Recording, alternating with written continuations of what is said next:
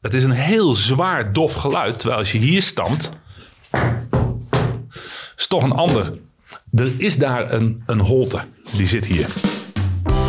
Welkom bij de Nostalgisten, de podcast over historische gebeurtenissen in Groningen, Friesland en Drenthe, die nog steeds in ons collectieve geheugen leven, of die bijna vergeten zijn, of die een oog, oh, dat wist ik niet gehaald hebben. Ik ben Colin Moorman en ik weet verder helemaal van niks, maar gelukkig zijn ze hier bij me, de geharde Nostalgisten Frank van Hebel en Martin Groenewold.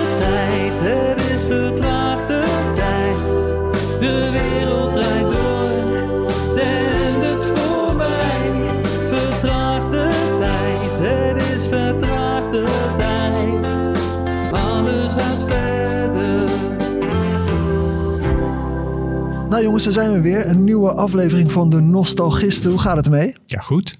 Ja, nou, vooral vanwege dit, eh, dit onderwerp, Colin. Onderaardse gangen. Onderaardse gangen en waarom? Ja, waarom niet, zou ik willen zeggen. ik ik- kom op, onderaardse gangen. Iedereen kent die verhalen over onderaardse gangen. Bijvoorbeeld over nazi-treinen, stampvol goud die verstopt zijn in bergen. Dat er onder steden een, een soort van middeleeuws metrostelsel zou liggen... dat door de bevolking werd gebruikt om eh, te vluchten als ze belegerd zouden worden. En die verhalen die, die zijn overal en die zijn dus ook hier, hier in het noorden. Appingedam bijvoorbeeld, Franeker, Groningen, Aduard. Overal, eh, elke plaats in het noorden, eigenlijk o- elke plaats ter wereld die iets voorstelt, die heeft wel een, eh, een mythe over onderaardse gangenstelsels. En wij hebben dus gesproken met mensen die 100% zeker weten dat die gangen er zijn. Dus ja, of het een mythe is of een feit, dat gaan we uitzoeken. Oeh, de Nostalgisten, is het een mythe of een feit? Ja, nou ja. En wij hopen natuurlijk een feit. Ja, zoals FC Groningen, Atletico Madrid ook een feit was.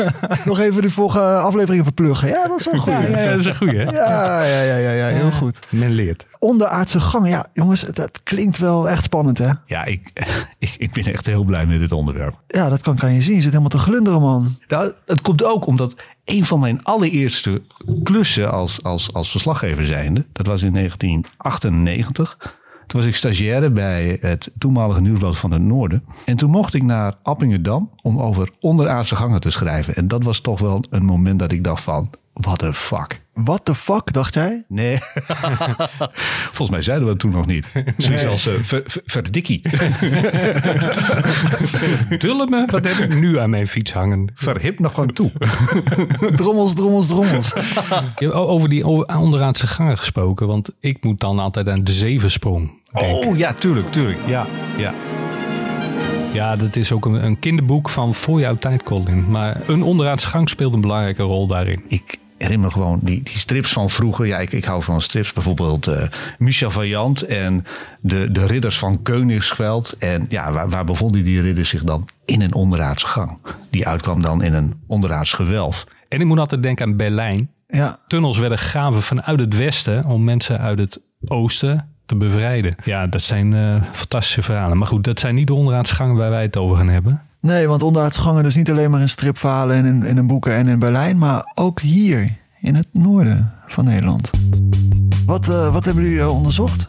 Ja, we zijn in de allereerste plaats zijn we naar Appingedam gegaan om eh, daar te spreken met een eh, groep mannen die jarenlang onderzoek al doen en hebben gedaan naar het wel of niet bestaan van onderaardse gangen. Dat was een verzetstrijder, die belde ons en die vertelde dus van je moet eens gaan zoeken tussen eh, of achter de kerk, de Nicolaikerk. Want daar ging ik in de Tweede Wereldoorlog ging ik in en dan ging ik onder de Gedam door, onder de Damsterdiep door en dan kwam ik er in de katholieke kerk kwam ik er weer uit. We zijn naar Franeker gegaan, dat een vergelijkbaar oud centrum heeft, een middeleeuws centrum. En ook daar zijn heel erg hardnekkige geruchten over het bestaan van onderaardse gangen. Dat past natuurlijk wel bij zo'n oud middeleeuws huis waar edelen in zaten. En die hadden natuurlijk altijd ruzie met elkaar. En die moesten dan in het geheim moesten ze kunnen vluchten naar de kerk. En dat soort dingen worden er dan verteld. En we hebben gesproken met de stadsarcheoloog van Groningen, Gert Kortekaas. Die eh, interessante dingen vertelt over eh, deze mythe die minstens een, een bodem van waarheid in hebben. Rond 1840 duiken de verhalen over onderaardse gangen in Aardewaard op. En dan merk je ook dat die in Groningen zo van lieverlee wat gaan ontstaan. En ik heb nog met eh, Gert Kottekaas gestaan bij iets wat toch verdomd veel lijkt op een, eh, op een onderaardse gang.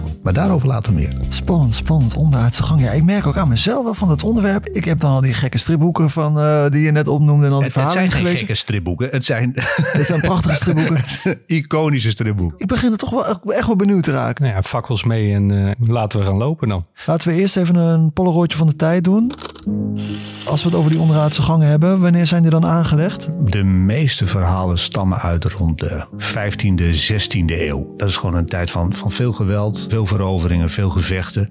Dus dan waren er ook wel behoefte aan eh, geheime gangen om, eh, om je uit de voeten te maken. Als je het hebt over Appingdam in de 15e, 16e eeuw, dat was een belangrijke handelsstad. Het was de havenstad van Groningen. Er was allerlei bedrijvigheid, er stonden steenfabrieken, kalkovens. En het was echt een belangrijke stad. Zo belangrijk dat Groningen, het grote Groningen toen ook al, Appingedam als een concurrent beschouwde. En het liefst had Groningen ook gezien dat Appingedam volledig van de kaart was geveegd. Het waren echt concurrenten van elkaar. In 1514 is Appingedam met de harde hand belegerd door eh, Georg van Saxen, de landsheer van de Groninger Ommelanden. Het verhaal wil dat de bevolking van Appingedam zich terugtrok in de Nicolaikerk, het centrum van het stadje. En dat een deel van de bevolking wist te ontsnappen via onderaardse gangen. Ja, en jullie zijn ook nu in deze onderaardse gangen gedoken, eh, overdrachtelijk Ja. wellicht. Nou, het is voor een hoop mensen is het gewoon realiteit. Die bestaan gewoon. En eigenlijk ook al heel lang, al eeuwenlang doen die verhalen de ronde. En ik vind het toch wel leuk om hier even te citeren uit een eh, oud krantenbericht uit het Nieuwsblad van het Noorden. Uit 1935. Onderaardse gangen, onderaards met SCH. Ik moet nou trouwens wel heel veel moeite doen om niet een polygoon eh eh, Nou, toontje misschien wel Nou, eh, het wel doet. Ja, dat lijkt me ook Het wel. is ja. toch een beetje... eh, Als je nou eens de moeite doet om wel een polygoon nationaal stem op te zetten. Het heeft Hare Majesteit de Koningin behaagd om. Nee, nee, nee. Eh, dat ging toch lekker, ja. Ehm, onderaardse gangen. Wanneer men de aloude volksoverleveringen beluistert, en wie doet dit niet graag, komt men al heel gauw tot de overtuiging dat onderaardse gangen bijna overal worden aangetroffen. Of deze gangen nu louter in de volksfantasie bestaan, of dat de mogelijkheid bestaat dat ze in de grijze oudheid werkelijk aanwezig geweest zijn, durven we niet met zekerheid beslissen. Mogelijk dat de oude donkere kelders die men bij de oude gebouwen als kloosters en borgen aantrof, kelders die ver onder een straat of weg doorliepen, aanduiding zijn geweest dat het volk ging geloven aan het bestaan van onderaardse gangen. We menen wel eens opgemerkt te hebben dat dit geloof nog heden ten dagen bestaat. Verrassend actueel dit verhaal in 1935, want ze hebben gelijk gekregen, dat bestaat nog steeds. Toen ik dit las, toen dacht ik, heremie, dit, dit, dit, sorry, ik bedoel verhip. What the fuck, dacht jij. Dit speelt nog steeds. Er is dus een groep in Appingedam die zich bezighoudt met het onderzoeken van die onderaardse gangen. En die zijn er heilig van overtuigd dat die onderaardse gangen daar liggen. Ja, en dat geloof dat is, eh, dat is heel hardnekkig. Het zijn ook niet de eerste de beste hè, die dit allemaal beweren. Maar die groep eh, mensen die wij gesproken hebben, dat zijn echt mensen die midden in het eh, leven staan in Appingedam. Ieder, iedere Appingedamster, iedere damster kent die mensen. En eh, wij hebben gesproken met de oud-bloemist Wim Hartlief en met Eltje Bos, de voormalige eigenaar van Hotel Het Wapen van Leiden. En wat mooi is dat die verhalen die ze ons vertellen, die beginnen eigenlijk allemaal bij de Nicolaikerk. Want verhalen van onderaardse gangen, die zijn eigenlijk altijd onlosmakelijk verbonden met, met kerken. En in dit geval de, de schitterende Nicolaikerk van Appingedam. Dus ja, wie weet loopt daar een, eh, een onderaardse gang. Er is in 1948 tot 1952 is die hele kerk is enorm gerestaureerd. En eh, toen hebben ze daar wel heel veel skeletten gewonnen. Maar meer dan 250. Jeetje, 250 skeletten. En wie is dit eigenlijk, eh, Frank? Dit is eh, Eltje Bos, initiatiefnemer van het eerste uur als het gaat over de zoektocht naar de onderaardse gangen. En hij vertelt hier over skeletten die zouden zijn gevonden in eh, wellicht onderaardse gangen onder de Nicolaikerk. En nou denken ze dat dat te maken heeft met dat in 1536, dacht ik. Toen, dat is de laatste omsingeling geweest van, van Appingedam. En dat is dus toen verraden. En toen hebben ze 1200 mensen hier in de Nicolaïkerk over de kling gejaagd. En men denkt dat dit dus een aantal ervan geweest is. En ze denken ook, tenminste dat denken wij nou, dat dat in die gang neergelegd is. Maar daar kun je dus niks meer van vinden. Maar dat is in, in die restauratie is dat gevonden en ook afgevoerd. En dat is ook genoteerd. En toen heeft men van direct van stond af aan gedacht van nou dat is natuurlijk vast en zeker van in 1536 zijn dat die uh, lijken van anders kun je nooit zoveel skeletten bij elkaar krijgen normaal gesproken. Maar bij die restauratie is die gang, laten we zeggen, niet gerestaureerd. Die is de... Nee, daar hebben ze zelfs nooit over gehad. En je weet nooit waarom. Dat mensen ook eh, zeiden van nou, we moeten luisteren. eh, Als we wat vinden, stilhouden en er niet meer over praten. Want dat gaat een hoop geld kosten en vertraging en weet ik veel waar allemaal. Dus dat, dat, er was geen enkele aanleiding voor om, om daar wat van te vinden, zeg maar, voor die aannemers. Ja, er is dus van alles te beleven onder de straten van Appingedam. Als ik het zo eh, begrijp van eh, Eltje Bos. Honderden skeletten. Klinkt eh, spannend. Ook luguber. Maar waar, waar, komen die skeletten vandaan dan? Nou, Martin vertelde zo net ook al in de, in de Polaroid dat Groningen een geduchte concurrent was van Appingedam. En in de 16e eeuw werd, de, werd Appingedam een paar keer belegerd door legers vanuit Groningen. En een deel van de bevolking trok zich terug in de Nicolaïkerk. Een aantal wisten ontsnappen, maar ook een flink aantal niet. En die, ja, die werden over de kling gejaagd. Maar zijn dit nou de skeletten die in die onderaardse gangen gevonden zouden zijn? Ja, dat weten we niet, want we weten gewoon simpelweg niet waar die mensen begraven liggen. En die skeletten die zijn ook, ook echt gevonden? Of, of, of zijn die skeletten ook uh, mythisch? Nee, die zijn ook echt gevonden uh, in de jaren 50 tijdens de eerste restauratie van uh, de Nicolaïkerk na de Tweede Wereldoorlog. Ja, dan snap ik dat deze mensen uit Appingedam nieuwsgierig zijn geworden en op onderzoek zijn uitgegaan. Maar uh, hoe zijn die gasten dan te werk gegaan? Nou, ze hebben de verhalen verzameld van uh, de mensen die nog leven. En die hebben verteld over, ik heb zo'n gang gezien, daar loopt hij, ik heb er ingestaan en daar komt hij weer uit. En die punten hebben ze met elkaar verbonden. En zo zijn ze op een stuk of zes, zeven gangen zijn ze, zijn ze gekomen. Ze hebben er ook een prachtige kaart van gemaakt. En als dat klopt, dan kun je toch spreken van een Dan Brown-achtige situatie uh, onder Appingedam. Maar ze hebben niet alleen de theorie met die kaart, maar ook daadwerkelijk in praktijk gezocht. Daar liep die gang zo door. En die ging hier zo, deze kerkstraat door, of donderdoor. En uh, zo verdween hij. Dus die man is hier, daar dus ingestapt. Waar dus al die skeletten ook lagen. En die is hier weer langs gegaan. En dit is de achterkant van de Nicolaïkerk. Ja, daar zit dus die, die kelder in. Deze? Met twee ingangen. Ja. Kijk, en die gang, die liep hier ook gewoon door. Onder dit pand door. Want je kon vanaf de kelder van dit pand, kon je er ook in. Als je dus helemaal naar beneden ging, dan kon je er hierin. Nou, dit is dit pand met, met mensen die uh, erin geweest zijn. Die zijn er vanuit deze plek in die gang gegaan. Dus die, maar die gaat hier over, de, over onder het Damsterdiep door. Maar dit is na de Tweede Wereldoorlog is deze afgebroken. En daar is dit pand weer van neergezet. En je kan niks meer terugvinden. Helemaal niks. Alles is weg. Ach. Ja, dat zijn wel, uh, wel even dingetjes, zeg maar, waar je daar tegenaan loopt. Ja, dat is dus wel een dingetje, ja. Ja. Ja, dat is wel een uh, dingetje. Ze kunnen helemaal uh, niks meer terugvinden, zegt uh, Eltje Bos. Dit moet je wel even weten, want vlak na de bevrijding is Appingedam ontzettend zwaar beschoten door de Duitsers. Een groot deel van de stad lag in puin. En als er inderdaad middeleeuwse gangen waren, dan is het heel goed voorstelbaar dat die als gevolg van die granaatinslagen in zijn gestort. Ja, ja dus ze kunnen er wel degelijk zijn. Zeker. Uh, zoekt en gij zult vinden, luidt het, luidt het spreekwoord. En ze zijn gaan zoeken. Daar is op die kruising, dat is dus een, een, hele, dat is een hele restauratie is daar plaatsgevonden. En toen hebben ze ook gangen gevonden. Daar heeft ook dus iemand die dat gezien heeft, heeft ons die brief ook gestuurd. En die heeft gezegd van ik heb erbij gestaan. En toen hebben ze direct gezegd, Stop ermee, jongens. Uh, hier mag niemand meer wat over praten en direct dicht wordt niet handel. Ja, dat was kruising uh, Gouden Pand, uh, Sol ja, Solverstraat. Juist, juist. En dan even terug te komen op die, uh, op die Nicolaïkerk.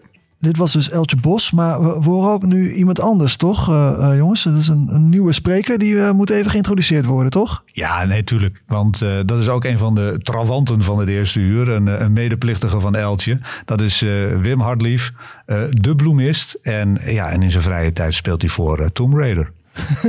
Van Tomb Raider, ja. Maar mooi, ik zie het helemaal voor me, ja. En hij vertelt over de wel eh, heel bijzondere manier waarop ze naar die onderaardse gang bij de Nicolaikerk hebben gezocht. En ik kan mij nog herinneren dat eh, wij een beetje via via overdag erin konden komen om een beetje onderzoek te doen. En wij hadden een connectie die werkte in het Delzig ziekenhuis. En Oh, God, ja. ik, heb, ik weet nog dat we er met een, een, een hele lange boor daar in zo'n gerestaureerde muur hebben gezeten. Maar die man, heeft, die, die man die vertelde precies, ik ben hier naar binnen gegaan. Ja. Ik ben een meter of 15 verder ben ik weer teruggegaan. Want ik kreeg geen zuurstof meer. En die man die, die wees ons die plek aan. Dus wij met die boor, nou zo diep mogelijk. En eh, hadden we van het Delftse ziekenhuis zo'n cameraatje. Ja, een heel klein ding. En die erin. Maar we, kon- we konden niet door die muur heen komen. Nou, dat, ik, ik eh, dat apparaatje wel even laten vertellen. Dat, dat is ook waar ze maagonderzoek mee doen. En dan gaat hij naar binnen en dan maken ze daar foto's van en weet ik veel wat. En dat had hij meegenomen. Hij was ook van de operatietoestanden. Ja, dat is toch wel echt heerlijk qua jongensachtig, toch? Gewoon dat iemand een, een operatiecameraatje meejat uit het ziekenhuis. Ik hoop en niet dat daarmee hij hem daarna weer heeft meegenomen naar het ziekenhuis. En, eh, Ja, ja, en de volgende operatie heeft uitgevoerd. Maar goed, Ongelooflijk. nee, het is een fantastisch verhaal. Ze denken dus van er moet iets zijn achter die muur. En dat, dat, dat zijn ook van die voorstellingen die je hebt. Bijvoorbeeld bij eh, die lui die gaan dan op zoek naar geheime ruimtes in, de in, de, in de piramide van Cheops. Dat zie je ook wel op Discovery. A structure made from over 2 million solid stone blocks. A building with narrow, mysterious tunnels. Ja, het is toch wel, toch wel jammer dat daar geen, eh, geen bevestigend of, of ontkrachtend beeldmateriaal eh, tevoorschijn is gekomen. Ja, dat was, dat was toch wel mooi geweest. Dat je zo'n zo'n Toetelgamel moment zou hebben gehad. Ja. Ja, ja zo weet je dat die- Het opent zich en daar, daar, daar blinkt het goud van de sarcofaag van, van, van de Appingedam. vader. Ja, ja, ja. Nee, dat, dat, dat is helaas niet zo. Eh, nee, ze hebben, ze hebben geen farao's aangetroffen. En eh, ja, helaas ook geen onderaardse gang. Maar dat wil ik toch wel even voor ze zeggen. Je weet het niet. En ze zochten in elk geval. Ze lieten niet bij theorieën. Ze gingen zoeken. Ja, ja nee, dat heeft ook gewoon wel echt wat. hè? Zo, gewoon zo'n club mensen die denken van, er moet iets, er- kom op man. Ik, ik snap het wel, want als je zoveel brieven krijgt, zoveel verhalen van verschillende kanten, van, van echt mensen die niet gek zijn, hè? die dus echt uit hun eigen herinnering putten, en niet omdat anderen dat vertellen, maar gewoon los van elkaar met een verhaal komen. Ik heb in zo'n gang gestaan. Ik weet het 100% zeker. Ik was daar en daar en ik, ik, ik ben er 15 meter in geweest. Al die verhalen zijn er, staan zwart op wit. Deze mensen die wonen, een woont in Amsterdam, eenmaal woont, eh nou Slikkerveer had ik net, nou noem maar op. Die staan totaal, die kennen elkaar niet eens. En die zeggen allemaal hetzelfde verhaal. Ik kan van mij niet anders. Die brieven die zijn binnengekomen daar bij, eh, bij Eltje en, eh, en zijn eh, kameraden, die eh, hebben jullie ook eh, gelezen? We hebben een hele map eh, gezien. We kunnen er zelfs uit citeren. Nou, ik kan niet wachten. Dan komt Frank met zijn polygoonstem. Ja, een momentje hoor, want dat handschrift dat is zo mogelijk nog slechter dan dat van mij. Ik vermoed dat het geschreven is door een arts van het uh, Delfzig ziekenhuis. Die een cameraatje kwijt is. Precies. Geachte heer Bult, naar aanleiding van de krantenberichten over onderaardse gangen in Appingedam wil ik u ook iets schrijven. Ik weet niet, misschien praten we over Wierde wel over hetzelfde huis. Dit huis was vroeger van aannemer R. van Til, waarachter ik op een diepte van 75 centimeter tot een meter een gemetselde boog heb gezien bij de aanleg van een afvoerleiding die toen een stukje is omgelegd. Bijgaand een schetsje van de situatie. De man heeft er ook keurig een tekeningetje bij gemaakt. In de jaren eind 1960, nee, begin 70 werd op de kruising Gouden Pand Cornelis Albertstraat diebriool gelegd of verbeterd. Diepte plus minus 3 meter. Waar ook metselwerk zat. Op mijn vraag wat dit was, kreeg ik als antwoord oude fundamenten van de vesting. En dat kwam een beetje vreemd voor, daar de huizen aan de Cornelis Albertstraat dus buiten de vestingmuren lagen. Toen ik opmerkte dat het meer op gewelven leek, moest ik vlug maken dat ik wegkwam, want men dreigde. Ja, dan zou je toch bijna denken dat men uh, iets te verbergen had, als je toch een complottheorie wil aanhangen. Hmm. Klinkt heftig wel, hè? Ja, hij heeft dus iets gezien. Daar zit dus wel iets. Ik, ik ga er toch maar vanuit dat hij het niet heeft verzonnen. Maar ja, wat het, wat het nou is, ja, daarvoor, daarvoor zou je toch echt even moeten gaan kijken. Maar er waren nog meer brieven, hè? Ja, er waren meer brieven, maar niet alles is even goed leesbaar. Tenminste, niet voor mij. Martin, de bril even op. De bril even op, ja. Kom eens hier met die brief. Oude pand van vocht in de Cornelis Albertstraat. In de tuin een schuur. Daarin zit een kelder waar vroeger onderduikers in zaten. Dit is een gedeelte van een gang. Al dus de heer van Essen, die hier een tekening van heeft gemaakt. Roelof Bonje heeft een gang-ingang gezien in de tuin. Klaas Drevel woont in de Molenstraat. Heeft voor de oorlog met zijn schoonvader door een gang gelopen. Twee gangen waar ik wel eens in geweest ben. Er zaten in beide diepe nissen met boog die waren dichtgemetseld. Jammer dat er toen de tijd niet meer aandacht aan geschonken is. Maar er zijn dus ontzettend veel van dit soort brieven bij eh, deze mensen binnengekomen. Enorm, enorm. En mensen die hebben gebeld, gereageerd. Eh, Er was nog voor het e-mailtijdperk, vermoed ik. Dus mensen die eh, namen echt de moeite om een briefpapier te pakken en het allemaal op de brievenbus te gooien. Dus ze namen het wel serieus. Ja, dat kan je wel zeggen, ja. Dan kan ik me ook wel voorstellen dat als je zoveel brieven krijgt... dat het je dan ook eh, sterkt in je overtuiging dat er, dat er iets is. Ja, dat lijkt mij ook. Kijk, als je het van eh, het verhaal van verschillende kanten hoort, zonder dat die mensen van elkaar weten dat ze reageren, dan ga je wel denken van hé, hey, er moet iets zijn. Er moet een kern van waarheid zijn. Maar er, er zit dus daar wel iets onder de grond. En ook waar aantoonbaar iets onder de grond zit, dat, dat is in Franeker. Dus daar zijn we ook naartoe gegaan. We hebben daar gesproken met eh Josse Pietersma, een bevlogen historicus en, eh, en stadsgids. En hij nam ons mee naar beneden. Ja, waar moet je anders eh, naartoe als je op zoek bent naar een onderaardse gang? Hij nam ons mee naar eh, de kelder van de, de oude academie van Franeker. Kijk, en nou wordt het hier leuk. Als je hier namelijk staat. Het is een heel zwaar dof geluid. Terwijl als je hier stamt. is toch een ander. Er is daar een, een holte. Die zit hier. En dat heb je ook in een andere stins. Heb je precies zo'n holte onder de grond. We zitten hier gewoon midden in de kelder. En als je daar stamt, dan hoor je dat daar een holle ruimte onder is. En dat leidt heel makkelijk tot het idee. Hier zijn geheime gangen. Hier moet iets zitten. Oeh, hier moet iets zitten. En er zit dus ook iets. Ja, dat moet toch ook wel, wel spannend tot de zijn. verbeelding. hè? Ja, dat moet toch ook wel indrukwekkend zijn. Sta je in zo'n kelder en dan, en dan, ja, dan moet er iets zitten. Dat past natuurlijk wel bij zo'n oud middeleeuws huis waar edelen in zaten. En die hadden natuurlijk altijd ruzie met elkaar. En die moesten dan in het geheim moesten ze kunnen vluchten naar de kerk. En dat soort dingen worden er dan verteld. Alleen ja, dan wil ik eventjes terug naar de plek waar we nu staan. En dat dat, dat zo'n holle plek midden in de kelder is. Dan denk ik, als ik een geheime tunnel zou beginnen, dan zou ik dat bij de muur doen. Want hier zit hij in de weg. Je kunt niks meer met deze hele kelder.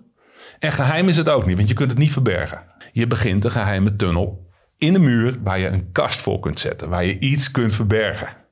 En dat hier dus midden in de grond een, een, ja, een gat zit. Het zou kunnen dat hier een waterput zit, hieronder. Of misschien is het wel gewoon een ordinaire verzakking, waardoor de, de, de stenen gewoon wat los zijn komen te liggen. Er zijn plekken waar in de kelder putten zitten, gewoon waterputten. En die staan dan wel midden in de kelder. Dus hier heb je geen geheime tunnel. Geen begin van een geheime tunnel, maar hier heb je wel het begin van het verhaal van de geheime tunnels. En eh, ja, dat is misschien een klein beetje een afknapper. Ja, een klein beetje een afgenomen. Ik zie jullie, oh, jullie kijken Ja, direct eh, het is, teleurgesteld erbij. Ja. Ja, dat, dat vind ik een, een, een vrij behoorlijke afknapper inderdaad. Dat is niet verhaal wa- wat ik hoopte te horen. En, Dat is niet waar je naar op zoek bent. Dat is niet waar we naar op zoek zijn. Maar Franeker is groter dan alleen deze stins natuurlijk. Wat is dat? Een stins? Nou, je, eh, de beste definitie is dat het een, eh, de Friese versie is van een, van een Groningse borg of een Drentse havenzaten, oftewel een middeleeuws steenhuis. Ah, dat wist ik niet. Ja, zo leer je weer eens wat. Hè. Dus eh, Josse die nam ons mee door eh, het centrum, het hele middeleeuwse centrum van Franeker. En wees ons op allerlei plekken die wel degelijk eh, geheimen hebben. En die toch wel verdomd veel op onderaardse gangen lijken. Ja, kijk, we lopen hier dus nu achter de kerk langs. Maar hier is een veldje, dat is een, een voormalig kerkhof. En daarvan zeggen mensen dan ook altijd van, ja, maar hier lopen tunnels. En dan wijzen ze hier naar een plek bij de, bij de eh, consistorie. Waar dus de dominee en de ouderlingen zich eh, kunnen voorbereiden op de dienst. En daar staan een paar luiken. Ja, En die zijn op slot. En eh, ja, er, iemand is daar wel eens in geweest. Daar zijn ook tunnels. Ja, klopt. Daar zit wat in de grond, ja. Daar wordt, is namelijk gewoon de kachel van de kerk.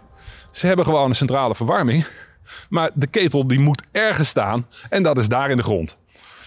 Nou, niks heel spectaculairs. Luik wel spectaculair, maar... eh, Ja, zeker. Ja. Dat is het ook.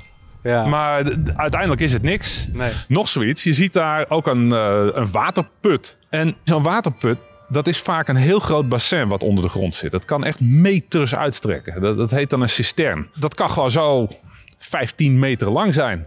Ja, als je eens een keertje ergens aan het graven bent en je ontdekt in één keer iets. Je kijkt naar beneden, je ziet een gewelfje. En je kijkt zo het donker in. 5, 10, 15 meter. Dan roepen mensen heel snel van ja, maar ik heb hier een tunnel gevonden. Terwijl dat helemaal niet is. Het is gewoon een waterbak. Nou, dat zijn gewoon dat soort, eh, dat soort plekken. En die worden nog wel eens gevonden. Van vlugweg voor de tempeliers naar waterbak. Precies. Nou ja, de vraag is waar, waar ligt de grens? Hè? Wanneer kun je spreken van een tunnel? Als het twee uitgangen heeft, zeg maar. Twee in- en uitgang. Nou ja, en als het, iets, als het gemaakt is met het doel dat Ja. iemand er doorheen loopt. En een waterbak heeft gewoon als doel dat daar water zit. Nou weet ik toevallig dat er in Franeker ook nog een tuin is... waar ook iets onder zit. Dat is een heel merkwaardig ding. En daar nam Jos ons ook nog even mee naartoe. We gaan hier door het steegje. Midden in de tuin hebben we hier een krater met metselwerk en eh, water erin. En wat je hier ziet, dat heeft toch wel heel veel weg van iets van een tunnel. Iets van een tunnel. Ja, hij zei het hè. Ja, ja. Iets van een tunnel. Je moet je voorstellen, we staan nu in een tuin met een enorm mooie fraaie boom en een theekoepeltje achter ons. En we zien dus een gewelfje. Gewoon echt ondergronds. Het is een open stukje. Een, een, een- nou, hoeveel is het? Anderhalve bij één meter of zo. Een open stukje, er staat water in. Het lijkt wel degelijk een tunnel. Het is niet zomaar een slootje of iets. En met een beetje fantasie zou je zeggen van ja, oké, we bukken een klein beetje, misschien een beetje kruipen, maar dan zitten we toch echt in een tunnel. Want waarom zou je dat anders aanleggen? Kan niet missen. Kan niet missen. Wat je hier hebt is een oud grachtje. Godsamme. Daar gaat hij weer. Ja, het zit ook niet mee. Dat is, eh, dat is wel een dingetje. Bij wat tuinwerkzaamheden hebben ze het eh, gevonden. En eh, heel makkelijk ja, is dan het idee, we hebben een tunnel gevonden. Ja, ja, zo zie je maar. Je, je, je trapt er dan ook gewoon makkelijk in. Ja, in dit geval eh, letterlijk en figuurlijk. Eh, En ik, ik, kan, me- ik kan me het wel voorstellen. Ja, ik kan me het heel goed voorstellen. Je moet bedenken, het is ook nog de grond hè, de, de- waar het water overheen stroomt, is ook nog een betegeld. Dus eigenlijk zou je zeggen, nou, een paar pompen erop, eh, water weg en we hebben echt een tunnel. Maar ja, dat mag dan weer niet natuurlijk. Hè. Ja, ja, gewoon dat je er zeg maar dan een soort van Dan maak je er een tunnel van. postuum een Als- tunnel ervan eh, krijgt. Een postuumtunnel. Ik vind het een mooi scrabblewoord.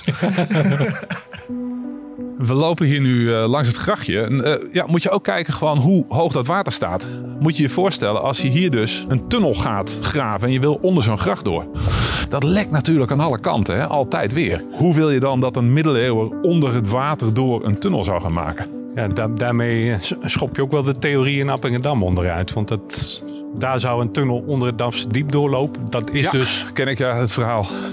Maar onmogelijk, volgens jou. Ehm, het, zeer onwaarschijnlijk. Er zijn natuurlijk geweldige dingen gebouwd in het verleden. Maar dat moet dan wel zo'n spectaculair bouwproject geweest zijn. Met zulke ongelooflijk knappe bouwmeesters. En dat in een prachtig stadje als Appingedam. Maar het is nou niet dat je zegt van eh, hier zat het kapitaal om, om gewoon een megalomaan onderwater tunnelproject te starten, zou ik zeggen. Dus nee, ik vind het onwaarschijnlijk. Ja, de Franeker, die bunker is wel eh, flink aan het huishouden hier, hè, jongens. Er blijft echt eh, helemaal niks meer eh, van over van die eh, theorieën. Verkeerde in eh, topvorm. Ja, ja, ja. Met, eh, ja, met de bottenbijl ook. eh. Ja, het gaat er hard, hard aan toe. Maar goed, ehm, ja, kijk, eh, als er geen hoop meer is, is er geen leven. En eh, ik heb nog steeds hoop. Gelukkig, Martin. Houd hoop, Martin, Goed alsjeblieft. zo. Ja.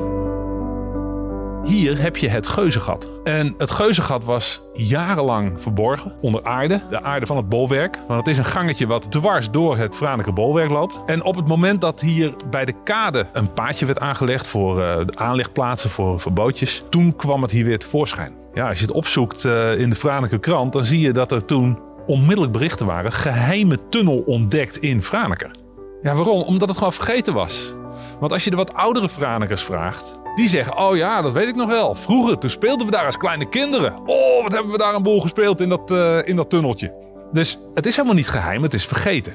En wat is het dan? Ja, je hebt hier gewoon een tunnel die gaat dwars door het bolwerk heen. En dan wordt er verteld van ja, tijdens de belegering hè, door de Spanjaarden of door de Geuzen, daar is men het nooit over eens. Werd dit gebruikt om in het geheim de stad in en uit te komen. Maar dit is een gangetje wat gebruikt wordt in vredestijd omdat eigenlijk zo'n hele vesting om een stad heen eigenlijk een soort beklemming is die heel erg fijn is als je veilig tegen de vijand moet zijn. Maar het grootste gedeelte van de tijd is het gewoon vrede.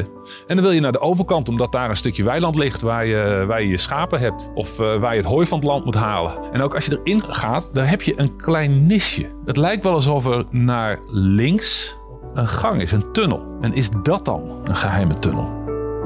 Daar loopt inderdaad een gang. Ik noem het geen tunnel, want een tunnel is onder de grond. En dit is gewoon een gang die door een bolwerk loopt. En die loopt ook naar rechts. Er is namelijk een gang die hier onder het bolwerk loopt.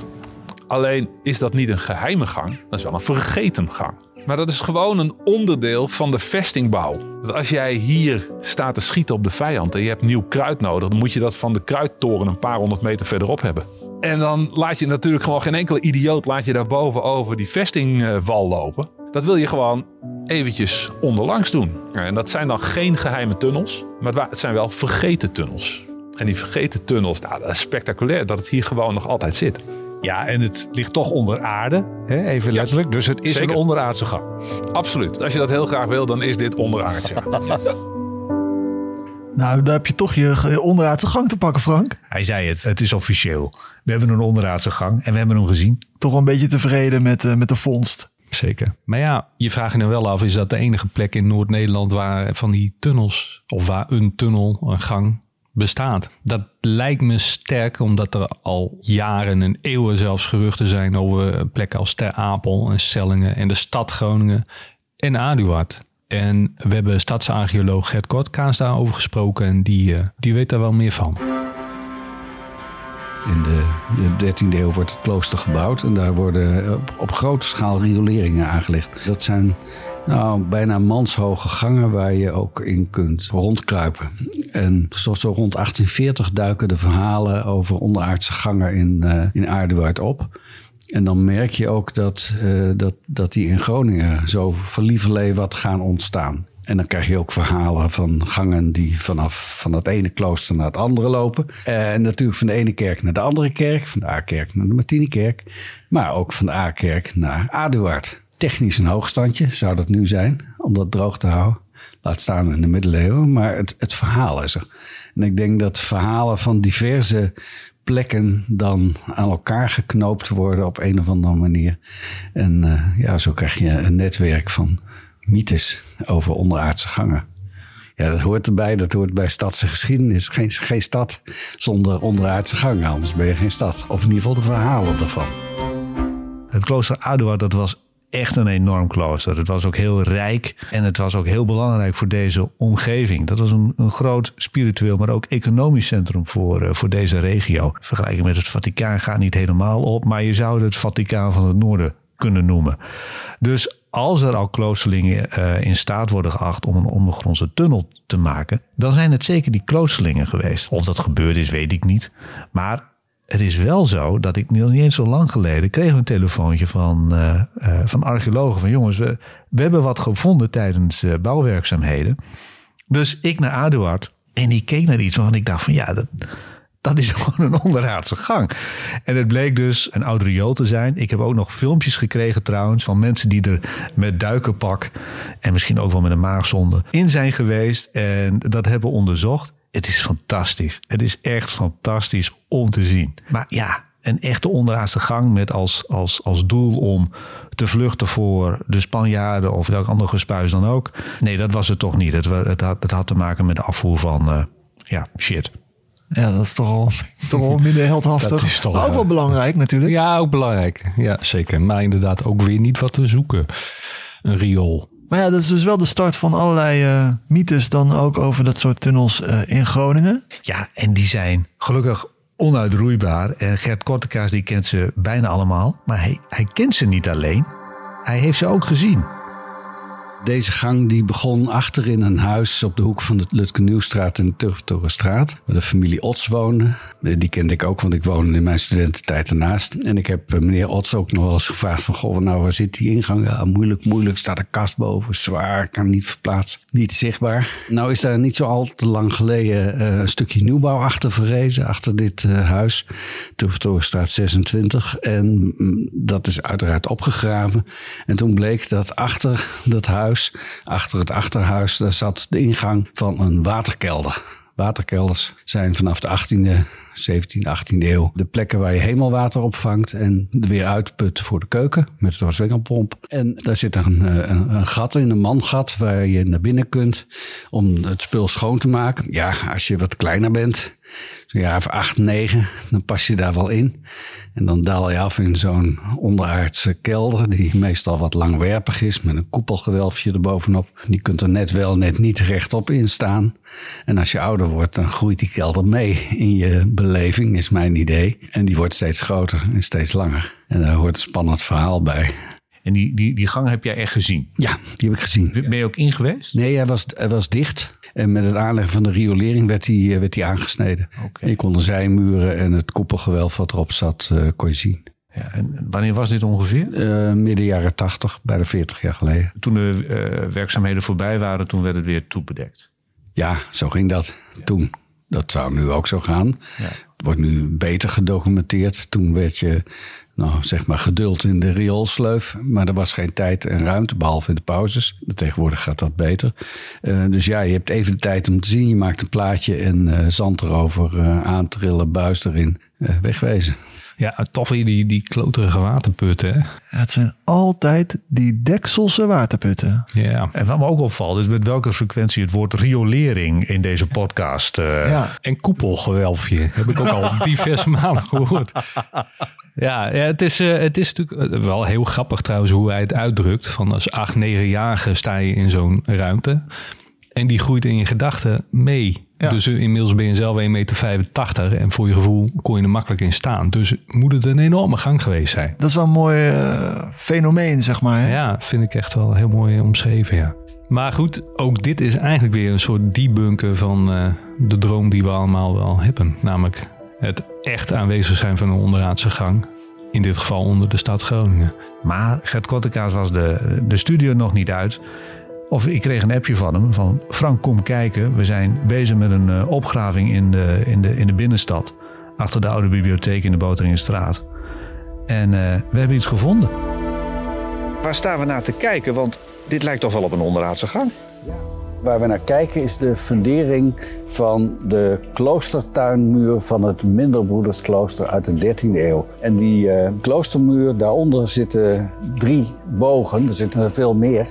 Om de zoveel meter is zo'n boogje gemetseld. Ja, je zou inderdaad denken, uh, niet één onderaardse gang, maar misschien ook wel drie voor die mannen die hier uh, het klooster in waren gegaan en die dan ongetwijfeld naar de vrouwen, de begijnen aan de andere kant van de Broerstraat wilden. Maar ja, ja, dat is een eerste gedachte die bij je opkomt als je dit ziet in het voorbijgaan.